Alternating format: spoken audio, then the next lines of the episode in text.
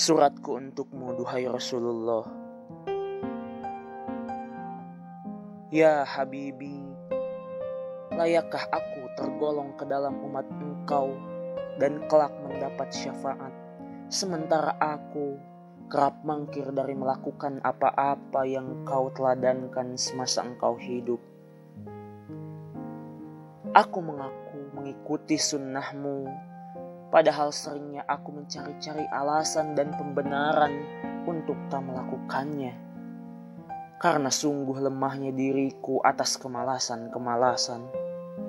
Layakkah aku ya Rasulullah berkumpul satu majelis bersama engkau nanti di surga? Namun aku yakin engkau akan memberi kesempatan itu Aku percaya seburuk apa pun perilaku umatmu yang aku salah satunya, engkau tak akan sampai hati mengamini kealfaan kami. Aku tak pernah sangsi kalau engkau sangat pemaaf dan berhati lembut pada siapa pun. Hal ini dibuktikan olehmu sesaat sebelum engkau dijemput malaikat maut. Engkau sangat khawatir pada kondisi umatmu yang kelak akan terus beranak pinak dan berpotensi melakukan banyak sekali penyimpangan. Sungguh menyentuh kedalaman cinta engkau pada kami ya Nabi. Tapi kami membalasnya dengan cinta yang terkadang berupa sisa cinta-cinta kami terhadap hal-hal lain yang padahal jelas-jelas tak lebih besar ketimbang kecintaanmu itu. Kami memang sangat tidak tahu diri. Kami terjebak pada pesona cinta-cinta yang sebenarnya hanya muslihat.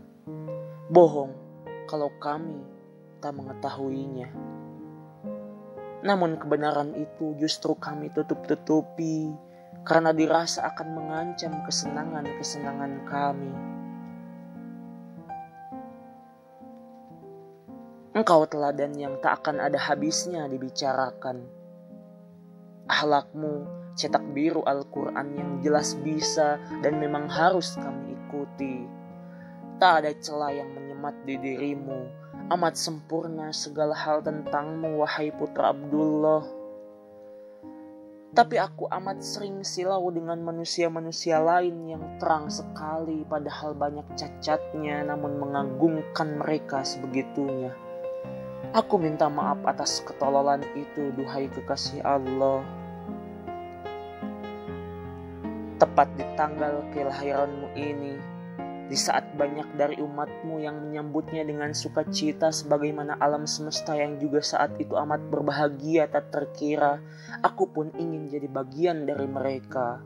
Namun aku tak hanya ingin terjebak pada hura-huranya saja ya Rasul. Aku ingin permanen mencintaimu dan melanggengkan semua hal yang pernah engkau contohkan untuk kemudian aku jalani pula dalam kehidupanku sehari-hari.